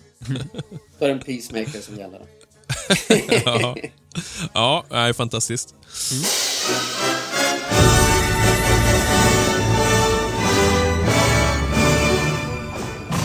Det är lugnt och tyst här ikväll. Just vad det ska vara det, Jake Logan. Ta ditt gäng och stick va. Jag vill inte ha något bråk här ikväll. Vi, eh, vi var inne på en del filmer här eh, innan, varav flera stycken av dem vi nämnde och rekommenderade eh, är ju baserade på böcker. Jag tänkte bara kolla med er, alltså överlag så här. Har ni koll på några av de här större eller klassiska westernfilmerna? Har ni koll på någon som är baserad på en bok? Om ni tänker spontant. Ja, men Shane. Shane, ja, absolut. En miniserie till exempel. Miniserie. Ja, en av de kändaste. Många klassade som en film i och för sig. Robert Duvall, Tommy Ja, Ja, Jones, ja, ja. Eh, just det. Eh, Lonesome Ja, Dove. Lonesome ja. Dove, ja. Mm. Ja. Eh, men sen är det ganska många, alltså man märker det många av de här bra, eller bättre, det, är säkert, det finns ju hur många som helst som är baserade, men jag, jag, om vi, jag kan ta några fler då. Vi nämnde Shane där. Författaren där, Jack Schaefer, han har också skrivit Monty Walsh med eh, Tom Selleck. Eh, vi pratar om Three Godfathers, det är ju en novell från, eh, jag tror det är 1919 eller något sånt där, eller om det är 20-tal. Open Range med Duvall och Kevin Costner. Det är Okej. ganska relativt ny bok från 90-talet. Okej. Eh, den här var lite intressant. The Outlaw Josie Wales. Den är baserad på en bok. Jaha. Eh, och då finns det alltså också en uppföljare eh, som också har filmatiserats. Tydligen. Det Jaha. finns en, en film eh, som heter The Return of Josie Wales. Och då, Ulf, är det en rolig koppling till Twin Peaks. Oj. Eh, för den som producerade den filmen, för Clint skulle varit med men sen hoppade han av. Och eh, skådespelaren som tar över är en av eh, huvudantagonisterna i Twin Peaks. Jaha. Kan du gissa vem? Eh,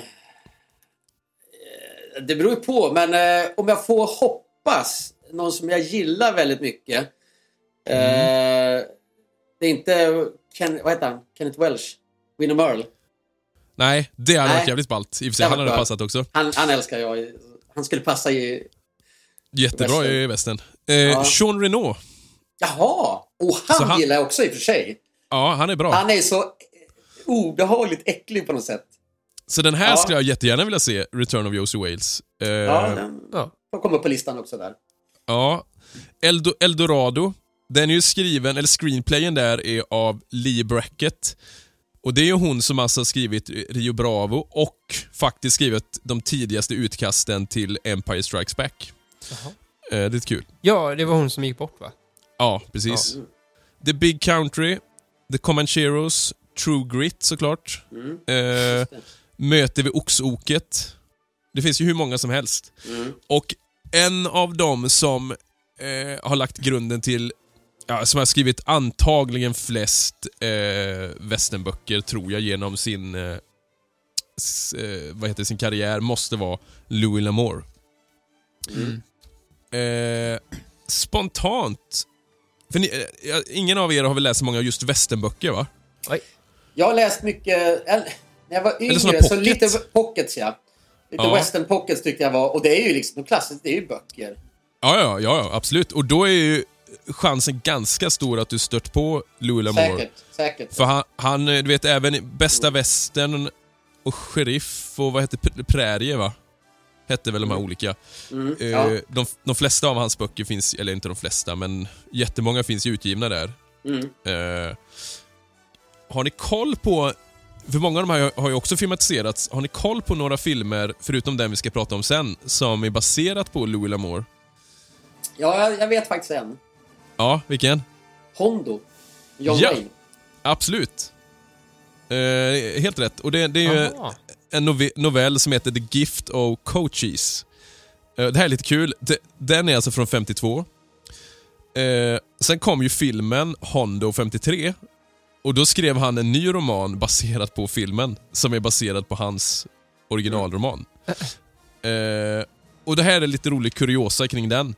Regissören John Farrow hann inte slutföra den filmen.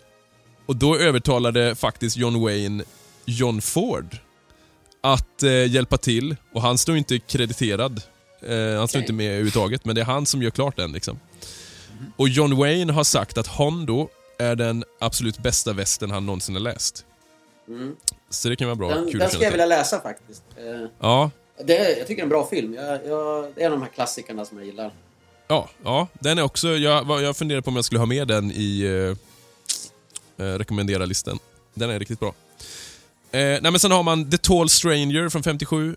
Sh- Shalako, det är lite roligt, det är ju Sean Connery från 68. Oj. Boken är från 62 då. Sen har man ju framförallt The Sackets, eh, som jag kommer att prata lite om. Eh, Shadow Riders, The Quick and the Dead. Alltså inte den eh, DiCaprio, Nej. utan en Nej. annan. Med eh, Sam Elliot. Och den är för övrigt väldigt lik Shane, den historien. Conager, också Sam Elliot. Eh, jag tänkte ta ett litet citat bara från Louis L'Amour. Då, eh, så här då. One day I was speeding along at the typewriter and my daughter, who was a child at the time, asked me, Daddy, why are you writing so fast? And I replied, Because I want to see how the story turns out. Eh, han matar ju ut, liksom, han skrev 105 verk, eh, 89 romaner, alltså 14 noveller, två facklitteratur. Sen är ju inte allt västern, men det mesta är ju det då. Mm. Eh, och han föddes ju liksom i slutet på västerneran. 1908 föddes han i Jamestown i North Dakota. Var det inte Dakota, Klassisk, Oscar, eh, som eh, Elof tipsade om? Jo. Mm, det är just det va? Ja, och Jamestown var ju så här, eh, bondesamhälle. Men eh, Louis och hans bröder, de stötte ju ofta på eh, förbipasserande eller passerande cowboys. Antingen om de hade en boskapsjord eller var på väg tillbaka till och från sina rancher. Ehm, och hans farfar var en viktig del av hans uppväxt. Han pratade mycket om liksom inbördeskriget och indiankrigen. Och han hade också farbröder som var kofösare. Eh, hans pappa var ju inget sånt, han, han var doktor men han var ändå en sån här livestock inspector. Så han, han levde ju i den här miljön och fick ju höra historier hela tiden om, om eh, västern så att säga. Eh, och eh, tidigt under 1900-talet, under bankkrisen där, så eh, blev familjen tvungen att flytta och färdades från stat till stat, alltså i jakten på lycka i stort sett. Och då fick de ju ta de jobben som kom liksom. Så Louis han jobbar som kopojke, gruvarbetare, sågverk i New Mexico, Texas, Arizona. Och fick ju prova på det här frontier-livet eh, i stort sett. Och såg ju alla klassiska platser. Eh, åkte ju runt på jättemånga av de här olika ställena som sen eh, var med i hans böcker liksom. Ja. Och han har ju träffat många kända personer som på något sätt har färgat hans karaktärer. Bill Tillman till exempel. Emmett Dalton från Daltonbröderna. Eh, han har stött på personer som var nära bekanta till Billy the Kid och olika kända lagmän och Texas Rangers. Eh, och han har även rest jorden runt som handelsman. Så han har haft ett väldigt liksom intensivt, eller intensivt liv kring mycket av de här äventyren som han berättar. Eh, och de största serierna, han har ju karaktärer som återkommer i sina böcker. Då har vi bland annat The Sackets, är ju så, Sackets-klanen. Det är som en familjesaga han berättar. Och där finns det, jag tror minst 19 berättelser. Eh, och då är det ju oftast tre huvudkaraktärer. Orrin, Willem Tell och Tyrell, eh, Tyrell Sackett. Eh, och de som sagt, jag nämnde det, The Sackets, en tv-film i två delar. då spelar ju eh, Sam Elliott och Tom Selleck spelar de två äldsta bröderna. Och De har ju gjort fler, av någon anledning har ju de fastnat mycket vid eh, Louis L'Amour filmatiseringen, eller tvärtom, att de som väljer göra ser dem som kvalitetsmärke. Eh, som sagt, Sackets, Shadow Riders är båda med också. Quick and the Dead är ju då Sam Elliott, Conniger Sam Elliott. Och Crossfire Trail är ju Tom Selleck. Det är lite kul ändå med Sam Elliott och Tom Selleck i samma film. Det är nästan så att de konkurrerar om samma typ av roll. Ja, absolut. Det är ju det. Eh, jag har upplevt när jag sett, alltså, jag kom på det, de två, det är ju mina favoriter av de, om man säger Mm. moderna västernskådisarna. Om man tänker 80-tal och framåt. Eh, det jag upplever är att Sam Elliott är oftare kanske den lite mer buttrare, hårdare. Sam, eh, Tom Selleck har ju lite mer det här glimten i ögat Mm. eh, grejen, men absolut, de är de stora mustascherna, råbarkare liksom, är i stort sett samma. En person som, eller person, en karaktär som är lite grann mitt emellan de här två. Det är ju Seb McKayen. Ja, Jag absolut. tänker att Sam Elliott, han är en del av Seb McKayen. Ja, ja, Tom visst. Selleck är en annan del. Ja, lite grann. absolut. Vad heter han nu? Eh, Nej men, eh, James Arness. ja, ja, precis. För han gjorde Krutrök också, i alla fall filmerna. Tror jag. Ja, ja men precis. Han, han är ju Han är- verkligen... Eh, och ha- han är ju också, han är ju en typisk Louis L'Amour-karaktär. Ja, eh, ja. Mm. Märker man ju. En liten kul grej bara om just Louis L'Amour. Han, under 60-talet så försökte han bygga en hel västernstad. Han ville göra det som en grej liksom. Skulle, det skulle heta Chalaco efter hans bok då. Eh, med fake-fasader, breda trätrottoarer och så vidare. Och eh, det skulle vara butiker som var aktiva där. Och så skulle man kunna använda den vid filminspelningar. Men han fick aldrig den ekonomiska stöttningen så han kunde aldrig få till det liksom. Annars var det tanken att det skulle vara hans, eh, ja vad ska man säga, Lägg, vad fan heter det? Inte Ja. arv. Mästerverk. Ja, ja, men lite så. Det skulle vara ett kvitto på det han har gjort, Legacy. liksom. Det- legacy.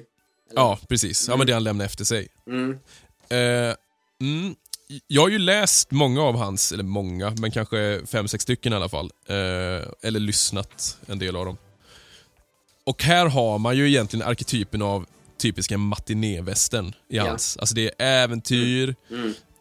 Eh, man kan säga så här, det är så långt ifrån politiskt korrekt det kan komma. det är ofta damsel in distress, Ja. råbarkade män som eh, fixar allt. Det, det blir på snudd på lite fjantigt när romantiken ska in, Ja. kan man väl säga. Eh, och då kommer vi ju in på i alla fall den filmen vi har sett, som då är Crossfire Trail från 2001 va? Ja. Med just Tom Selleck i eh, huvudrollen. Ja. Ska vi ta lite kort bara vad den handlar om? Ulf, kan du ta det? Själva kort bara handlingen. Ja, det handlar ju om eh, Tom Selleck här då. Han heter Rafe, eh, jag kommer inte ihåg vad han heter efternamn faktiskt. Rafe eh, Co- Covington. Rafe Covington. Han, eh, han får ju då ett uppdrag kan man säga av en döende vän att ta hand om hans ranch och hans fru. Och eh, ja, jag ska inte gå in i detalj, men han, han gör ju det då helt enkelt. Och när han kommer till den här ranchen så är den öv- övergiven här och hans fru har ju då på något sätt kommit i lag med en ond bankman, eller man ska säga, i den här by, staden eh, in till den här byn. Då. Och då blir det förvecklingar. Eh, bankmannen vill ju ta över den här uh, ranchen, fattar man sen, och han ska då skydda det här. Och, eh, och det uppstår ju då både kärlek och förvecklingar och strider och eh, ja, in a nutshell. Ja. Precis. Ehm, vad, eh, vi- vilka, vilka skådisar ser vi? Vi har ju Tom Selleck som huvudrollen, alltså Rafe. Eh, Och så har vi vad- Virginia Madsen, va? Ja, hon är en klassiker i de här typen av filmerna. Verkligen. Ja, vad är det egentligen hon är mest känd för, tänker jag? Det måste ju vara... eh, The Candyman. ja, Candyman. Tack. Okej. Varsågod. Eh, sen har vi ju Mark Harmon eh, som Bruce Barkov, den här eh, rike snubben då. Och han känner vi igen bland annat som eh, Behan i Tombstone ju. Spelar han lite samma äckliga roll. Ja. Eh, Vi har Barry Corbin som han sheriffen. Känner du igen honom, Oscar? Ja, Tjocke- men jag vet inte vart. Han är med bland annat i Modern Family som Cams pa- pappa. eh, pappan ja. Ja, just det. Han är med Ja. i Yellowstone senaste säsongen. Han är den här... Ja, eh, på- gamla gubben där va? Ja, triple six-ranchen där. Eh, och sen har vi ju en annan westernklassiker i lite liknande roll. William Sanderson som bartendern. Känner ni igen Okej. honom? Ja, men inte, jag kan inte placera honom i någon roll, men visst, man känner igen honom, absolut. Han är ju E.B. Farnum i Deadwood. Deadwood, ja. Han, eh, borgmästaren. Just det. ja. Mm. Just det. Eh, precis. Mm. Ehm, jag har ju också läst boken eh, till den här då. Som på svenska heter Slå hårt. Fanns i Sheriff nummer 13 eller Bästa västern 24. Och de här gavs ut flera gånger, så den kom även ut under titeln Rodneys sista önskan i Prärie nummer 128. Vet du Eh. Emil om den här har filmatiserats tidigare? Ah, nej, det, har- nej, den har inte gjort det. För sådana här namnbyten på, på böcker brukar ju komma i anslutning till filmutgivningar. Ja, precis. Men, mm. Jag, jag, jag tror att det där är just... I många fall var det ju så. Alltså filmer, när de kom så gjorde de ny... Men här är det att är Louis L'Amour, att han var så pop- populär. Många av hans böcker gjorde de flera liksom på. Eh, men... Eh, den är ganska lik. Det är sällan man kan säga det ändå. Det, det är lite roligt överlag. Många av de här westernfilmerna, alltså Shane, Lonesome Dove, eh, jag funderar på vilken mer jag har läst. Eh, mannen utanför lagen kanske? Oxpisken? Nej. Eh, Ja, men den är ju... Det är en... Eller är det, kommer den efter? Det är tvärtom, den kom Ja. efter. Ehm, True Grit. Mhm. Alla de här, de är ju väldigt lika. Det är som att de som gör westernfilmer på böcker fattar att man ska hålla sig till källmaterialet. Mm. Sen är det några grejer som är lite störande, att de har ändrat eh, hans namn. Just, just Rafes efternamn har de ändrat av någon anledning. Han heter Karadec i boken. Okej. Eh, och här är Covington. Jag, jag har ingen aning.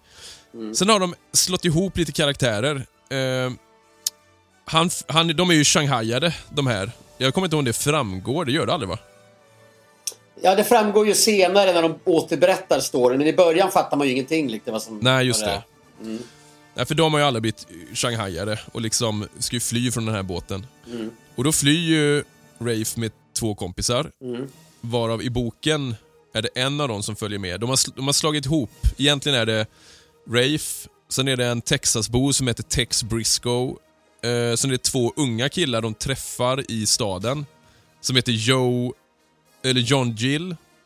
Som i den här heter eh, Joe Gill, den här gamla gubben som de träffar. Mm, ja. Han är egentligen en, en ung snubbe då. Och sen är det Bo March, som jag antar ska vara den här unga killen, JT. Eh, Ja, ja. Så det, de har slagit ihop lite grann. Han Rock Mullaney, han den där irländaren. Mm. Han är bara med i början och slutet i boken egentligen. Men Joe Gill, var Mm. han med alltså på, på skeppet? Nej, Nej. nej, utan Tex Briscoe heter den killen. Eh, han är väl typ som han eh, Rock Mullaney, alltså irländaren. De har slagit Mm. Ja. ihop honom med en annan karaktär. Eh, men annars är det ganska bra, förutom att Rafe, alltså så är det väl alltid med Tom Selleck i och sig, han är alltid för gammal mot rollen han ska spela. Han ska ju Mm. vara typ ja, 30 max liksom. Eh, men så är det alltid. Ja, ja. Eh, men han, är, alltså han, han gör ju rollen precis som den beskrivs i boken. Eh, Och de flesta, Bruce Barkov, alltså han skurken, han är ju också väldigt bra. Men det är en karaktär som inte är med. För i boken är det två eh, huvudskurkar, om man ska säga. Det är Bruce Barkov, sen en som heter Dan Shoot. Som också är en kriminell. De är ju liksom en maskopi kring det här. De har ju liksom sett till att den här Rodney eh, blir shanghaiad. Eh, jag tror att de har försökt att ersätta honom med den här revolvermannen som kommer. ja. Vad hette han? Tom Berringer-kopian. Eh, Ja, han... eh, På, på Dorn. ja, precis. Så han finns ju inte riktigt med i, i boken. Mm. Okej. Men, ja, alltså... Vad tyckte ni överlag? Oscar, vad tyckte du om den? Nej men det... Lika, lika, alltså... Det var trevligt att se på. Det är likadant där, man behöver inte tänka så mycket. Nej. Och det är, just när det kommer till westernfilmer tycker jag det är rätt skönt. Alltså det blir bet, oftast bättre filmer då. Det var, det var ju kul, ja, det var ju kul att få se en helt annan miljö med, med båten och det. Även fast det var väldigt kort. Ja, Men det, det är ju någonting jag inte har sett inom westernfilmer i alla fall. nej. Och det var lite skoj. Mm. Nej, nej men jag tyckte den var bra. Helt okej. Det var, den var lite seg på vissa ställen. På båten. Nej, nej Ja. men... Eh, både seg, men eh, så här... Eh, handlingen eh, hoppar lite. Det är ganska enkel setup i den egentligen. Jo. Det är väldigt klassisk och Musiken var bra. ja. Det var något jag tänkte mycket på. Eh, hur lång var den? Har ni, har ni, har ni någon koll på det? Den var inte så himla lång va? Nej, den var inte så lång. En och en halv. Max, ja. Ja. ja, Uffe vad tyckte du då? Jo, men jag, jag är lite kluven. För att jag håller helt med dig, Oskar, om att den är, den är trevlig att se på. Det är en matinéfilm. Den är... Jag, jag, jag har svårt med det här som du säger, att bara titta och liksom... Eh, sådär bara slötitta lite grann. Jag, jag kan inte undgå att liksom gå in och börja... Jag vill bli, jag vill bli, impo, jag vill, ja, jag vill bli imponerad av liksom att det finns ett djup och sådär. Det saknar den här filmen totalt, ska jag säga. Det är en totalt cheesy, klichébaserad western. Men den är Ja. snyggt gjord, bra skådespeleri. Eh, den, är under, den var ändå underhållande. Alltså jag, jag, jag hade aldrig en känsla att nu vill jag stänga av, för det kan jag få ibland alltså, när jag blir irriterad. Trots att jag blev lite småirriterad av massa saker, både i storyn, ja, framförallt i storyn då, att den är så himla cheesy och eh, stereotyp. Så eh, tycker jag den var underhållande. Mm. Mm. Och snygg, snygg, snyggt gjord på något sätt ändå. Ja, det tyckte jag med. Alltså allt ifrån, nu tänkte jag på kläder är rätt okej i den ändå. Ja, jag tänkte det är att, det är att Tom Selleck ska alltid ha sin jävla Tom Selleck-outfit. Alltid. Han, är alltid han ska, oavsett nästan om han är cowboy eller inte, han ska alltid ha chaps. Ja. Han har det enorma brättet alltid. Eh, sen har han alltid armband, kafs och typ, jag tror ganska ofta att han har dubbla scarfar. Tänkte ni på det? Han har en lång så här, silkescarf vänd med Sen- knuten bakåt. Sen har han en innanför. ja.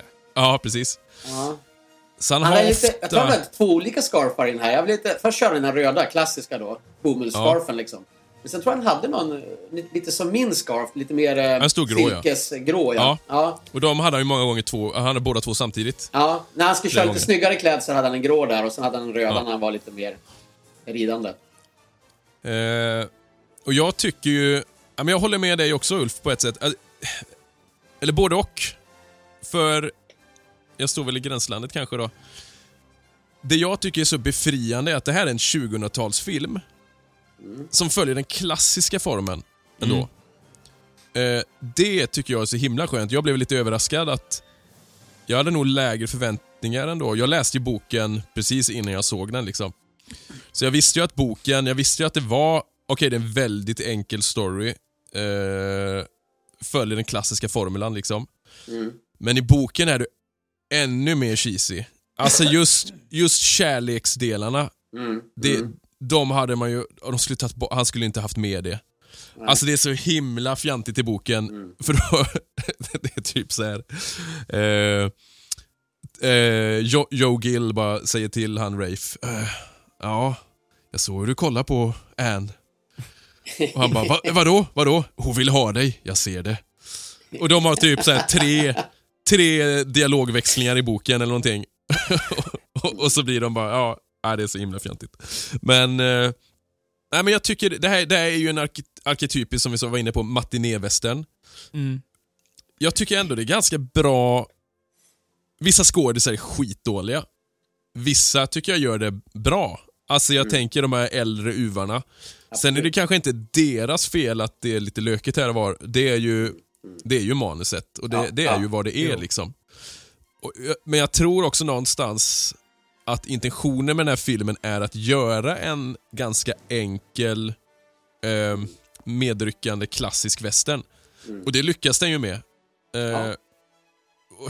Så, jag, och jag, jag tycker den är snyggt gjord och framförallt, jag tycker det är så schysst med klassisk episk westernmusik. Ja. Eh, Men jag reagerade på en grej ganska hårt. Och det Det är, är att, mycket Silverado-feeling i, i, i Ja. musiken. Väldigt Och i- eh, mycket. ja, men också filmen Men i sig.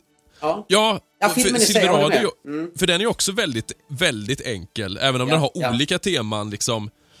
Eh, men det jag reagerar på med musiken, det är att det är väldigt lite musik. Det är bara typ när det är så arbetssekvenser, jag tänkte på det. Eh, Det är jätte, jättelånga dialogpass där det inte är någon som helst musik överhuvudtaget, inte minsta liksom stråk eller någonting. Utan rätt vad det är, så fort det kommer en, ett arbetsmontage när de jagar kor eller någonting, då kommer det... Ja, ja, ja. Eh, Ja, det, det, det- tänkte jag på, eh, det här med Ja. dialoger. Det var ja, väldigt många, alltså väldigt mycket snack och långa snack. ja, Eh, och det är lite segt. jag gillar ju det. Nej, Jag, det jag är ju inte. tvärtom. Nej, jag tycker ju det. Och gärna att det får liksom stanna upp och vara lite... Sen är det ju... Det faller ju lite på att det är ju inte världens mest intellektuella dialog i den här. Nej, Bruce. Bruce Barkov, han skurken, han, han blir ju lite väl karaktäristisk. På något sätt. Jag tänker hela den här, utan att spoila för mycket, giftermålsscenen till exempel. Ja. Det blir, det blir lite som i Robin Hood karlar till KR när han ska gifta sig med Marion liksom. Mm. Men... ja, på- Alltså på många sätt tyckte jag ändå filmen var bättre än boken och det är jävligt sä- sällan jag säger det. Mm. Okej. Eh, hela klimaxet till exempel, det är ju helt annorlunda i boken. Mm. Det var inte, jag måste tänka nu, det var inte så mycket med indianerna förutom Nej, det var en sekvens där. Ja, Nej, det var ju där vi... När hon var när han räddade skadad. henne, flickan. Ja. Ja. Det var bara det. Ja. Det är ju konstigt för det är ju, det är en stor grej i boken. Okej. Eh, det där är ju en setup till en grej som händer senare. Han får ju hjälp av indianerna senare i boken då. Mhm. Eh, ja. Nej men... eh, det är svårt att gå in djupare analys på den här just för att som du, alltså, den är ju så enkel på Ja. sitt sätt. Men om vi tänker vad ni hade för förväntningar på den. Var den positiv, eh, eller hade man någon förväntning överhuvudtaget? Jag blev ju positivt överraskad i alla fall. Nej, jag hade... Det är svårt att ha någon förväntning. Alltså, efter när man sett några så här runt 90-2000-talsfilmer, alltså i början av 2000-talet. Mm, För det svänger ju väldigt mycket fram och tillbaka. mm, Men just med Tom Selleck eh, hade man väl en liten högre förväntning kanske. mm, Och, och jag tycker det motsvarar ganska bra nog. mm. Ja. Uffe? Ja, alltså när jag såg skådespelarlistan också, då fick jag lite förväntningar. Va? Eh, den kändes som att ja, men den här kan ju faktiskt vara bra. Sen när jag började se den, då dök det snabbt. Jag, Mm. till skillnad från dig Oskar, de här båtscenerna. Visst, det var kul att de var på båten. Det började bra med att man såg att båten rörde sig. det. Det var lite coolt, man har verkligen filmat det bra. Men sen var det ju en sån fruktansvärt dålig dialog Produktion och produktion. Jo. Där de, den här Jo. slagsmålscenen, det var ju så bara, men hallå, det där kunde de väl ha klippt bort. Det här var ju fruktansvärt taffligt och dåligt. Jo. Tänka, jaha, ska det vara en sån film? Men den tog sig... Jag hade, det var som att jag köpte ganska tidigt att det här är en tafflig dialog, en tunn story. Det finns mycket cheesiga grejer i den här. Men den var ändå snyggt gjord. Det, här med att båda, de hade, det var en bra produktion. Jag tyckte ändå överlag bra skådespeleri. En, en sån här, alla rätta ingredienser för den klassiska matinévästen. Mm. Så förväntningarna var... Li, ja, den, var, den uppfyllde nog mina förväntningar, ska jag nog säga. Mm. Ja. Ja, Jag har som sagt... Nej, jag blev väldigt positivt överraskad. Och just, just att den är från när den är. Det är nästan Ja. det bästa med den. Så jag, ja, jag, jag, kommer nog, jag gissar på sikt att det här är en sån film som jag kommer hålla orimligt högt kanske med tanke på hur bra den egentligen är. Eh, Men jag tror, att, det här, och jag tror att det här är en film som kommer växa för mig. Det här är nog en jag kommer se om varje år, tror jag faktiskt. Ja. Eh, otippat. Ja. Mm. Ja, men om vi sätter lite betyg då. Oscar? Ehm, ja, men en tre. Ja. Godkänd liksom, Ja, helt enkelt. Ja. Ja. skulle jag absolut tänka mig att se den igen. ja. Uffe? Nej, men det är exakt samma för mig. En trea. Eh, och jag kan mycket väl tänka mig att se den igen. Eh, skön film. Man sitter och käkar lite ostbågar och, och chips till och, och sådär. Småtittar, man kan småprata till den. För den, den, den, den har det där flowet och den här sköna grejen. Men som film, då hade jag gett en lägre betyg. Men en trea helt klart för vad det är. Mm. Och jag jag tänker att jag kommer ha behållning av den här, till exempel innan man ska iväg på någon västernhelg eller något sånt där. Då, det tänker jag är en sån perfekt film. Mm, mm. Typ Silverado. Den är inte alls lika bra som den, men...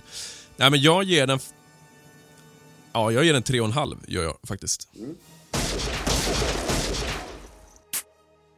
Ja, mina Ja. vänner, då har vi rott i land det 21 avsnittet av Västernpodden.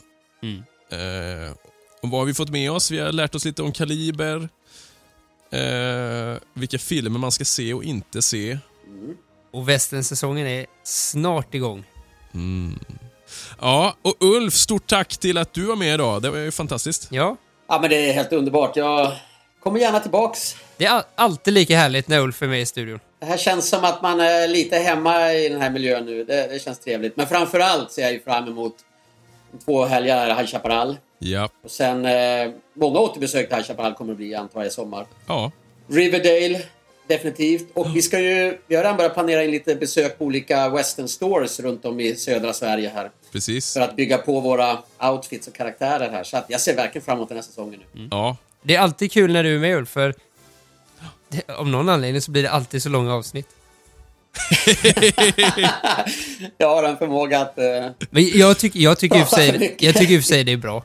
ja, på positivt sätt. Ja. Det blir bra, bra djupare dialoger. ja. Det känns inte som att det tar så lång tid, men eh, nu har vi suttit här i två timmar ändå. Ja, du är så välkommen tillbaka. jättetrevligt. Jättetrevligt.